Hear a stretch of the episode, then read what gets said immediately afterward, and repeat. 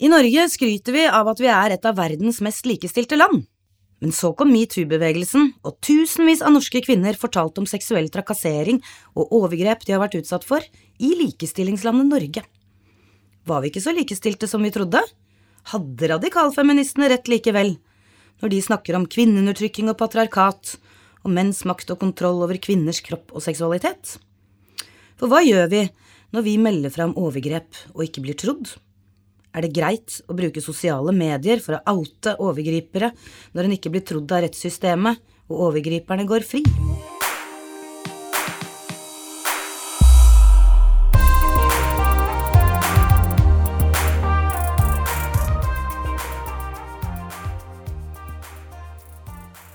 Du hører på Kjønnsavdelingen, som er Kilden kjønnsforskning.no sin podkast om kjønn og likestilling. Med meg, Trine Rogg Korsvik, som i dag har med meg Mari Teigen, Katrine Holst og Mailen Skilbrei i studio. Dette er andre episode av Kjønnsavdelingens to podkaster om kjønn og likestilling etter metoo.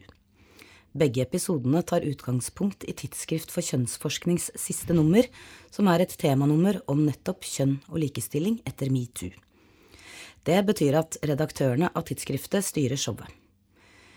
I forrige episode hørte vi redaktør Berit Bråten snakke med Ulla-Britt Lilleås og Siri Sanjo om sexistisk humor i militæret. I dag er det den andre redaktøren, Mari Teigen, som skal til pers. Hun snakker med sosiolog Katrine Holst og kriminolog May-Len Skilbrei, begge fra Universitetet i Oslo, om artiklene de har på trykk i det siste nummeret av tidsskriftet. Katrine Holst har skrevet artikkelen Fra Helga Hernes til metoo og May-Len Skilbrei har skrevet om når retten ikke gir rett, eller ikke rett nok, i overgrepssaker. Begge artiklene, og andre artikler fra tidsskriftets temanummer om metoo, finner du åpent tilgjengelig på kjønnsforskning.no. Du hører på Kjønnsavdelingen. Kjønnsavdelingen. Katrine Holst, professor i sosiologi ved Universitetet i Oslo. Du har skrevet artikkelen Fra Helga Hernes til metoo hvordan metoo kan forstås i lys av feministisk teori. Katrines artikkel tar utgangspunkt i det sosialdemokratiske medborgeridealet. Aller først, Katrine, hva er et kvinnevennlig sosialdemokratisk medborgerideal? Ja, det første jeg tenkte jeg skulle si, det var hvem det var som skrev om dette kvinnevennlige sosialdemokratiet tida, og det var det du nevnte henne jo, det var Helga Hernes. Hun skrev en bok som er nesten blitt en sånn klassiker, i 1987. 'Velferdsstat og kvinnemakt. Essay i statsfeminisme'. Og essay om statsfeminisme. Og der skriver hun om dette sosialdemokratiske medborgerskapsidealet, altså politiske ideer og idealer som har vært viktige i de skandinaviske sosialdemokratiene, og som hun ser det har et kvinnevennlig potensial. Og så vektlegger hun fire trekk ved det idealet. Det er, det er et ideal som for det første vektlegger eh, individuell frihet, eller individuell autonomi, men da i en mer krevende og mer utvidet forstand enn man gjerne forbinder med liberalisme. Så hun posisjonerer sosialdemokrati i kontrast til liberalisme. Det andre hun vektlegger, er eh, politisk deltakelse. Det er et medborgerskapsideal som vektlegger politisk deltakelse og kvinners politiske deltakelse. Så er det for det tredje et, eh, ja, det er et sosialt demokrati, så det har en sosial eh, dimensjon, opptatt av eh, sosiale rettigheter for alle og universelle velferdsordninger. Det har et veldig viktig kvinnevennlig potensial, som hun ser det. Og så er det da til slutt så beskriver hun også sosialdemokratiet som, et, eh, mm, som, et, som et, et, verdifellesskap som har en felles eh, nasjonal kultur og felles eh, verdier. Så det er, det er, utgangspunktet mitt, at jeg prøver å, å, å, sette ord på det idealet, og så prøver jeg å si litt hva har skjedd med sosialdemokratiet langs disse dimensjonene frem til fremover eh, mot i dag. Ja, så dette har vært viktig uh, for å forstå, for å hjelpe oss i å forstå likestillingsutviklingen sånn som den har funnet sted i de nordiske landene. Men så kom altså metoo, da. Kan denne tilnærmingen også hjelpe oss til å forstå et sånt fenomen? Ja, jeg prøver i hvert fall å gjøre en sånn kobling i artikkelen. og Jeg tror at det er det særlig denne andre dimensjonen med politisk deltakelse, og det Helga Hernes skriver om politisk deltakelse som er viktig. Hun skriver at i det kvinnevennlige sosialdemokratiet, på sitt beste, så er det sånn at eh, bevegelser nedenfra i sivilsamfunn, og ikke minst gjennom kvinnebevegelsen, bidrar til likestillingspolitikk og velferdspolitikk ovenfra. Så hun, hun, setter ord på en sånn kobling mellom mobilisering i, i sivilsamfunnet og utvikling av ny lov og ny politikk eh, eh, som er mer likestilt. Og det jeg tror da at eh, Helge Hernes ville sagt om eh, metoo, det er jo nettopp at det er det vi er, til dels har sett, og kanskje forhåpentligvis kan se enda mer fra, nemlig eh, mer til at en sånn mobilisering nedenfra bidrar til en, eh, endringer. Altså Metoo satte eh, problemet med seksuell trakassering, eh, vold mot kvinner, på dagsorden på en helt ny måte. Og, det har også, og, det har, og det har bidratt allerede nå til endringer i lover og regler, og for hvordan vi turnerer dette i, i, politikk og lovverk. Så det vil hun si at ja, det er sånn det skjer. På, sånn skjer det i sosialdemokratiet på, på sitt beste. Ja, dette er interessant, men, men, eh, det du går videre inn på i din artikkel, eh, Katrine, det er jo at uh, patriarkatsteori fort meldte seg som relevant når, når metoo-problematikken kom på dagsorden. kan du si litt mer om det? Ja, jeg tenker jo det at når noe sånn som metoo skjer, så vil jo vi prøve å forklare det. Altså både problemet som det tar opp, og hvordan denne mobiliseringen kunne skje. Så nå har jeg jo sagt litt om hvordan Helga Hernes ville kunne forklare det i lys av sosialdemokratiteori.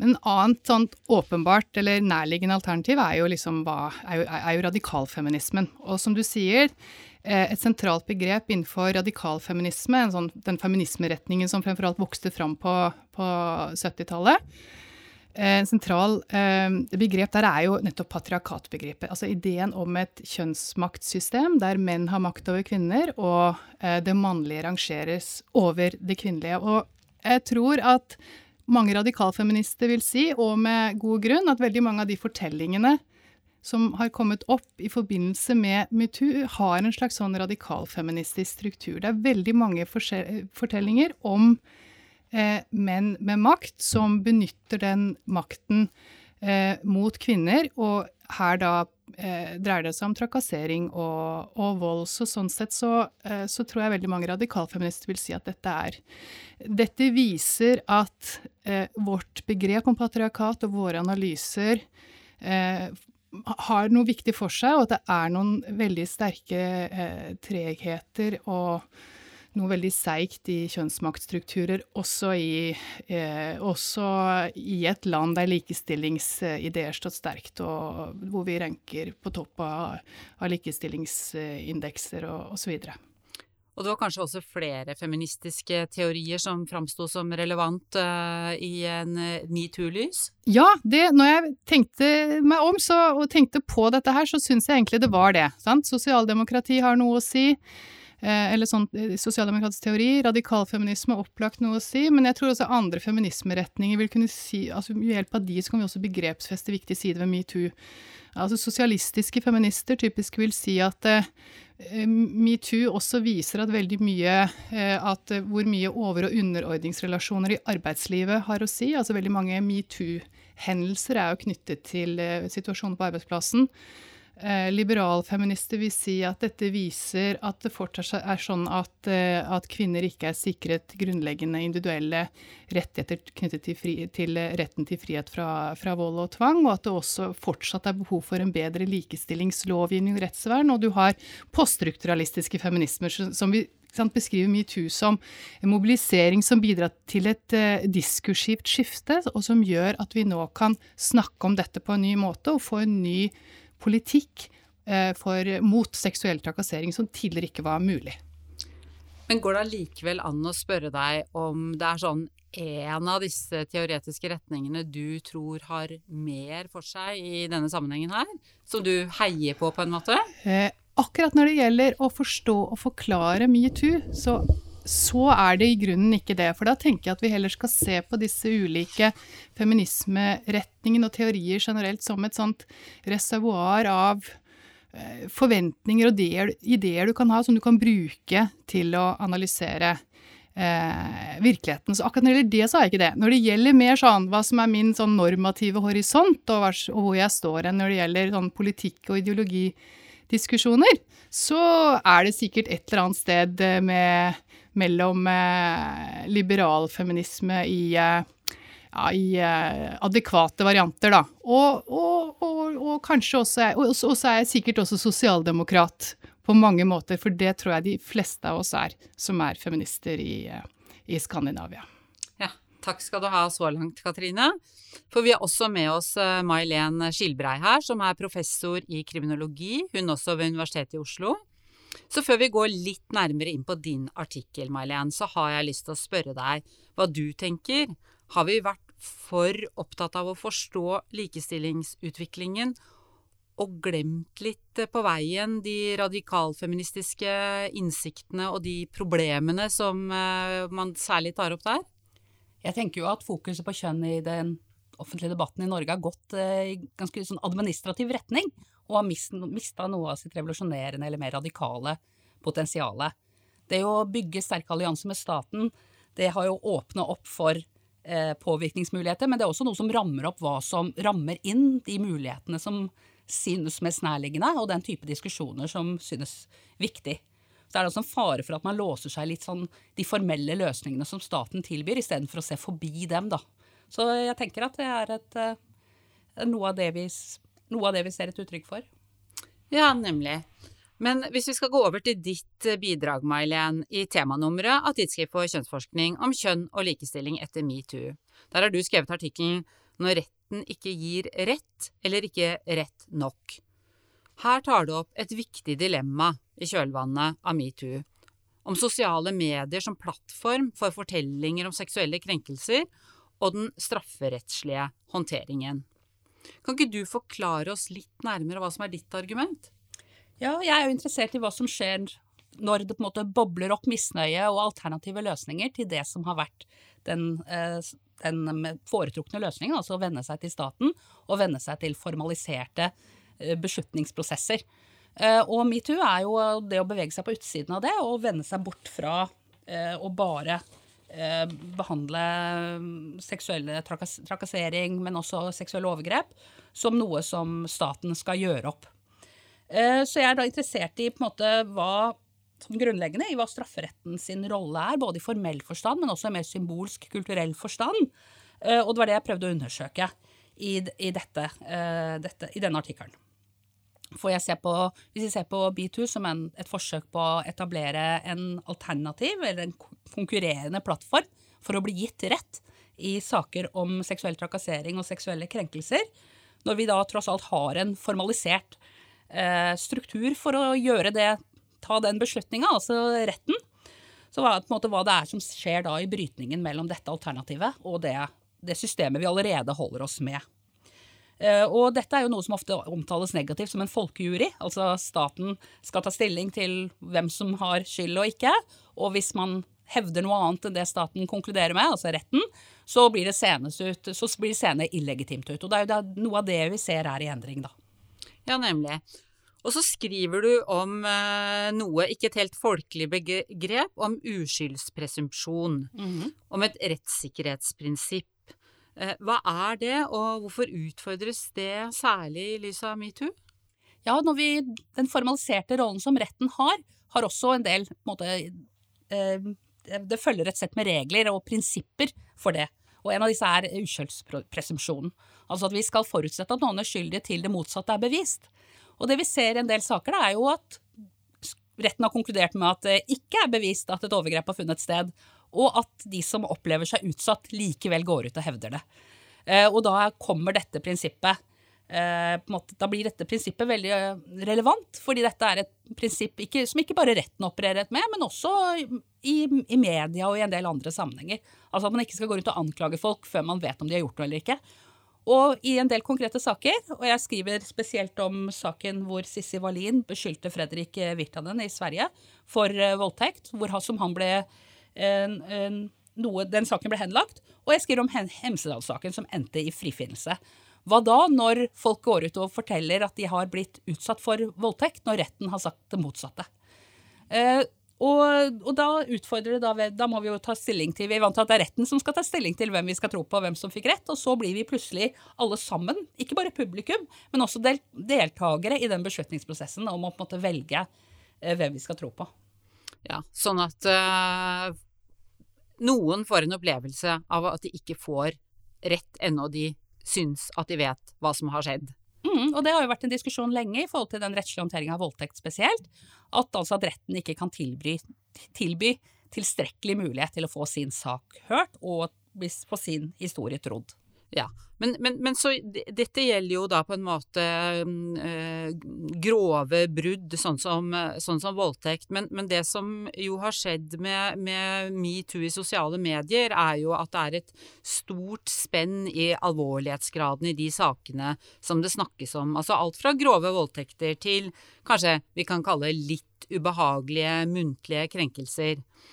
Tenker du at det på noen måte er problematisk at så svært ulike saker på en måte plasseres inn i samme sekken? Eller eh, altså er det en uheldig sammenblanding, eller kanskje ikke? Det er jo både en fordel ved det, altså særlig hvis man er interessert i å undersøke forholdet mellom kjønn og makt, og å gjøre noe med det, og se de små tingene i sammenheng med de store tingene. Altså se uh, alt fra de små krenkelsene til de store, alvorlige overgrepene med samme type linse, og prøve å forstå sammenhengen mellom dem, og se på dem som et uttrykk for noe av det samme. Men samtidig så står man da i fare for å slå på en måte veldig små ting og veldig store ting i hardkorn.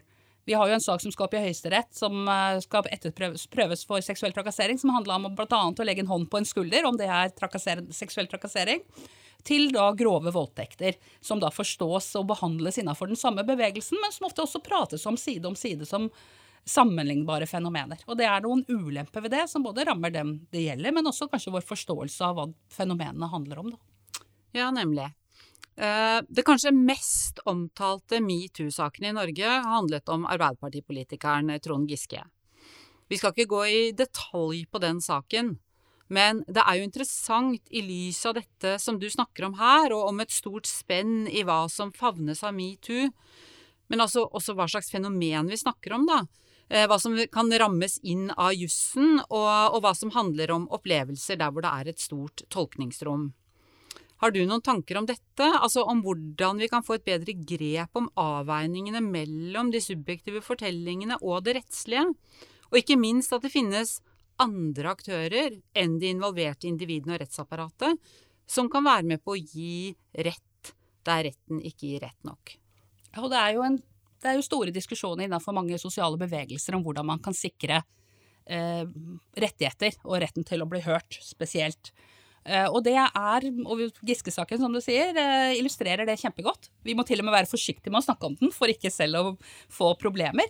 Nettopp fordi den og mange andre typer saker så lett blir ramma inn av jussen. Og når jussen har talt, eller ikke talt, ikke er eh, ansett som relevant, så binder det alle de sosiale fortellingene som kan fortelles. Og det sier jo noe om som, hvordan bordet fanger, da, når man velger eh, staten og de mer formelle løsningene eh, som eh, en agenda, når man løser eh, spørsmål om skade og urettferdighet mellom de måtene. Så på den måten så har det lett som en konsekvent at det, det binder oss, og det blir vanskelig å løse eh, skadespørsmål og urettferdighet på, på andre måter, da. Og noe av det jeg skriver om i artikkelen, er nettopp det mangfoldet eh, som, fi som finnes da, i den type rettigheter som utsatte kan ha. Og så skal ikke anta at alle trenger det samme, men det eh, jakten etter liksom alternative løsninger da, for å bli gitt rett, er, eh, er, da, er en krevende øvelse når man samtidig når det går som parallelt til en rettslig prosess eller forstås opp mot rettslige begreper. Ja, men når du snakker om alternative løsninger, hva er det du mer konkret tenker på da? Nei, Metoo er jo en alternativ løsning. Altså å etablere sosiale plattformer hvor man helt uavhengig av den rettslige vurderinga eh, sier hva man selv mener har skjedd, og at andre, publikum, tar stilling til om de tror eller ikke tror på det. Som jeg sa i stad, det kan forstås negativt som en folkejury, eller så kan det forstås som et eh, alternativ rettferdighet. Og det finnes også andre, vi kan snakke om konfliktløsning og andre muligheter for å eh, gjenopprette uten at man behøver å lene seg på de høye tersklene som tross alt finnes når man skal gjøre en rettslig vurdering av skyld eller uskyld. Ja. May-Len Skilbrei og Katrine Holst. I deres artikler så tar dere opp spørsmål relatert til metoo som det er viktig at vi tenker litt mer igjennom. Jeg har derfor lyst til å stille dere begge to et par spørsmål. For det første, hvordan kan vi tenke om avveiningene mellom ulike feminismer når vi skal forstå både likestillingsutvikling og mer varige eller seige kjønnshierarkier? Altså sånn på én gang. Altså når det gjelder det å eh, forstå og forklare urett, og det å forstå og forklare metoo, så vil det bli lett at jeg har forskerhatten og tenker, så, tenker, som en vitenskapskvinne, og da tenker jeg at jeg ikke på forhånd vil bestemme meg helt for hvilke teoretiske forventninger og hvilke feminismeretninger som belyser best hva som skjer. Da tenker jeg det viktige er at vi har, at vi skjønner at vi har et ganske bredt repertoar tilgjengelig Eh, for å, for, å, eh, for analysere kjønn og makt, tregheter og endring. Og det er, det, det er, viktig for meg. Og så er det, når jeg mer har en, hatten på som feminist, og som er politisk eh, engasjert, så, så i og for seg da også kan jeg tenke at det kan være lurt at, at vi tenker at feminismen er mangfoldig, og at det finnes eh, flere flere posisjoner, og at feminismen som isme kanskje er rikere enn man tror. Så det er litt det, er litt det, det, er litt det eh, jeg tenker at vi kan gjerne ha med oss liksom hele dette brede settet av ismer når vi, også når vi tilnærmer oss eh, uh, metoo. Og for meg vil jo det da inkludere at, uh, som jeg også skriver om i artikkelen, jeg hadde lagt, lagt radikalfeminismen litt sånn, ikke til side, for det, det tror jeg, det har jeg aldri tenkt at det går an. Men hadde, den hadde vært mindre viktig for meg. Litt i tråd med sånn som vi gjør det litt i sosialdemokratiet, som uh, May-Len sa. Men for meg har det vært liksom en påminnelse om at det, den også må inn på, på, på, forklaringskartet her, og at den selvfølgelig er en viktig uh, et begrep om kjønnsmakt er viktig, uh, selvfølgelig, hvis du skal analysere metoo. Mm. Har du noen kommentar til dette, May-Len? Nei, Det er jo i tråd med det Katrine sier, og vi har jo også Dette er klart at dette er også en, eh, en bevegelse som gir et selektivt blikk. Altså dette knyttes veldig sterkt til mannlige overgripere og kvinnelige ofre, og vi vet jo også gjennom denne bevegelsen, også andre bevegelser, at uh, dette handler om makt som også manifesterer seg på andre måter. Uh, makt som handler om alder, makt som handler om posisjon. Sånn at det ikke bare er kjønn som er et uh, viktig perspektiv i dette. Det er, et, det er et eksempel, og særlig noen av de store måte, sakene i metoo har vist hvordan eh, makt eh, brukes eh, eh, for seksuelle formål, men også hvordan seksualitet brukes eh, for å oppnå makt. Ja, nemlig. Eh, og, og, det som jeg lurer på litt sånn, litt sånn videre her, da, det er jo at det er jo ikke vanskelig å forstå at den som har vært utsatt for seksuell trakassering, ønsker en form for rettferdighet. Eh, men hvordan skal vi tenke om rettferdighet i dette spennet da, fra subjektive opplevelser og rettssystemets eh, prinsipper og prosedyrer? Eh, May-Len, du snakker jo om eh, metoo i sosiale medier som en, som en um, alternativ uh, kanal, kan man si. Men hvordan skal vi tenke ja, både rettferdighet og kjønnsrettferdighet i, i denne sammenhengen her? Jeg syns det er en interessant bevegelse, men jeg syns ikke den kommer i stedet for eh, de, den rettslige prosessen vi har, og de rettslige prinsippene som gjelder i den. Jeg er en av de som mener at det har mange mulige veldig negative og veldig farlige konsekvenser. Eh, jeg har sett mye i sosiale medier at folk automatisk tror på folk som hevder å ha seg eller blitt krenka. Altså, vi har et rettsvern for de som er anklagede her i samfunnet også, som det er svært viktig å ta vare på. Så altså, den strafferettslige håndteringa er svært gjennomtenkt og veldig innarbeida. Så jeg er jo veldig skeptisk til å ikke også eh, holde det fram som eh, den viktigste mekanismen samfunnet har til å håndtere spørsmål om skyld og skade. Ja, nemlig. Men og Katrine, begrepet kjønnsrettferdighet, det er jo i grunnen eh, ditt begrep, det. Eh, har du noen kommentarer til det? Ja, altså, eh, jeg, vil si, jeg, vil bare slutte meg helt til det som eh, May-Len sa her. og så i tillegg, ja, forlengelsen av det med kjønnsrettferdighet, så jeg så, så er det viktig at, eh, at eh, spørsmål om etikk og rettferdighet og kjønnsrettferdighet, det har en viktig sånn rettslig dimensjon. Sånn at det, det, er, det er, som du sier, kanskje, kanskje den primære mekanismen som vi har for å bøte, for å gjenopprette retten igjen. Men det betyr jo ikke at alle typer av rettferdighetsspørsmål vil på en fyllestgjørende og på en god måte kunne behandles der. Så det må jo fortsatt selvfølgelig være sånn at vi kan anklage hverandre og mene at ting er rett og galt, og liksom og si at ting er etisk klanderverdig. Alle, det er klart vi skal ha sånne typer diskusjoner eh, som, som, ikke eh, kan eller skal egentlig heller behandles i, i, rettssystemet samtidig. Og det er også en viktig del av, av kjønnsrettferdighetsideen, tenker jeg. Ja, eh, Og May-Len, du har en kommentar? Ja, for jeg tenker jo at det vil være en veldig skummel utvikling hvis det, det å hevde sin sak på sosiale medier skal erstatte eller på en måte prøve å trumfe den rettslige håndteringa av de prinsippene som gjelder der. Samtidig så tenker jeg at metoo kan være, ha sin styrke i at det kan styrke diskusjonen om seksualetikken. Altså hvor grensene går i det mellommenneskelige. Hva vi mener med autonomi og integritet. Eh, på en måte som ikke hører hjemme i rettsavholden, og som handler mer om å kulturelt utfordre og utforske eh, seksualitetens rolle i, mellom mennesker. Ja, og her leder du meg jo over på et avsluttende spørsmål til dere begge. Eh, Tusenkronerspørsmålet, kan vi si. Hva tror dere Kommer metoo til å få varige konsekvenser? May-Len, vær så god. Ja, eller om noe så tenker jeg eh, at eh, den kan ha en sånn type kulturutviklende potensial. Samtidig så tror jeg ikke at metoo kom ut av det blå. Altså, sosial transformasjon har funnet sted de siste tiårene som har endra hvordan vi tenker om seksualitet og makt. Og at eh, metoo kommer også som en del av den bevegelsen.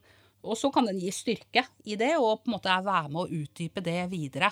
Samtidig må vi se på det som en del av en annen type logikk, altså spørsmålet om enkeltindividets fokus. Det er også noe veldig eh, eh, individualiserende ved noe av det. Det er både strukturelt og individualiserende på, på samme vis på, samtidig omtrent.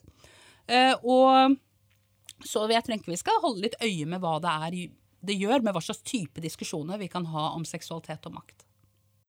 Ja, og Katrine? Ja, det var nesten de beste avslutningsordene man kunne ha, men jeg, jeg syns vi allerede har sett at MeToo har hatt effekter. Altså, noen har mistet jobbene sine, noen har blitt dømt. Vi har sagt om at mye ikke kan bare skje gjennom lovverket, men vi har jo sett endringer også i lovverket og i måten vi nå behandler trakasseringssaker, som en direkte følge av metoo. Og i tillegg så kommer denne kulturelle transformasjonen over, over, tid, og det er vanskelig å forutsi. Men jeg, tenk, jeg tenker at det, et, at det, er et, reelt kulturelt skifte.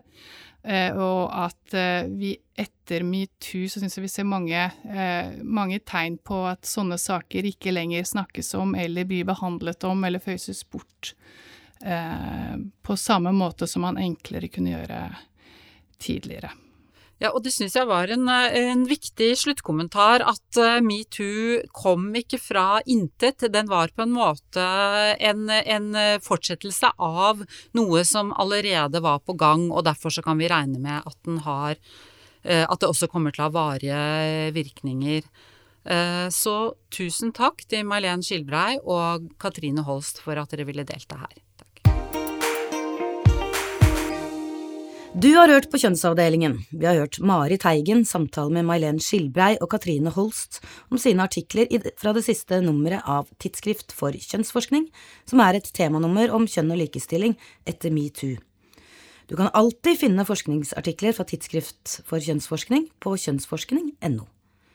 Vil du høre mer om metoo, kan du bla tilbake til Kjønnsavdelingens forrige episode om sexistisk humor i militæret. Og du kan bla enda lenger tilbake og lytte til episoden Metoo og kjønnsbalanse i kulturbransjen fra 8. mars 2018. Kjønnsavdelingen er produsert av Kilden kjønnsforskning.no med hjelp av Ology Studio. Mitt navn er Trine Rogg Korsvik, og jeg takker for at du har hørt på Kjønnsavdelingen.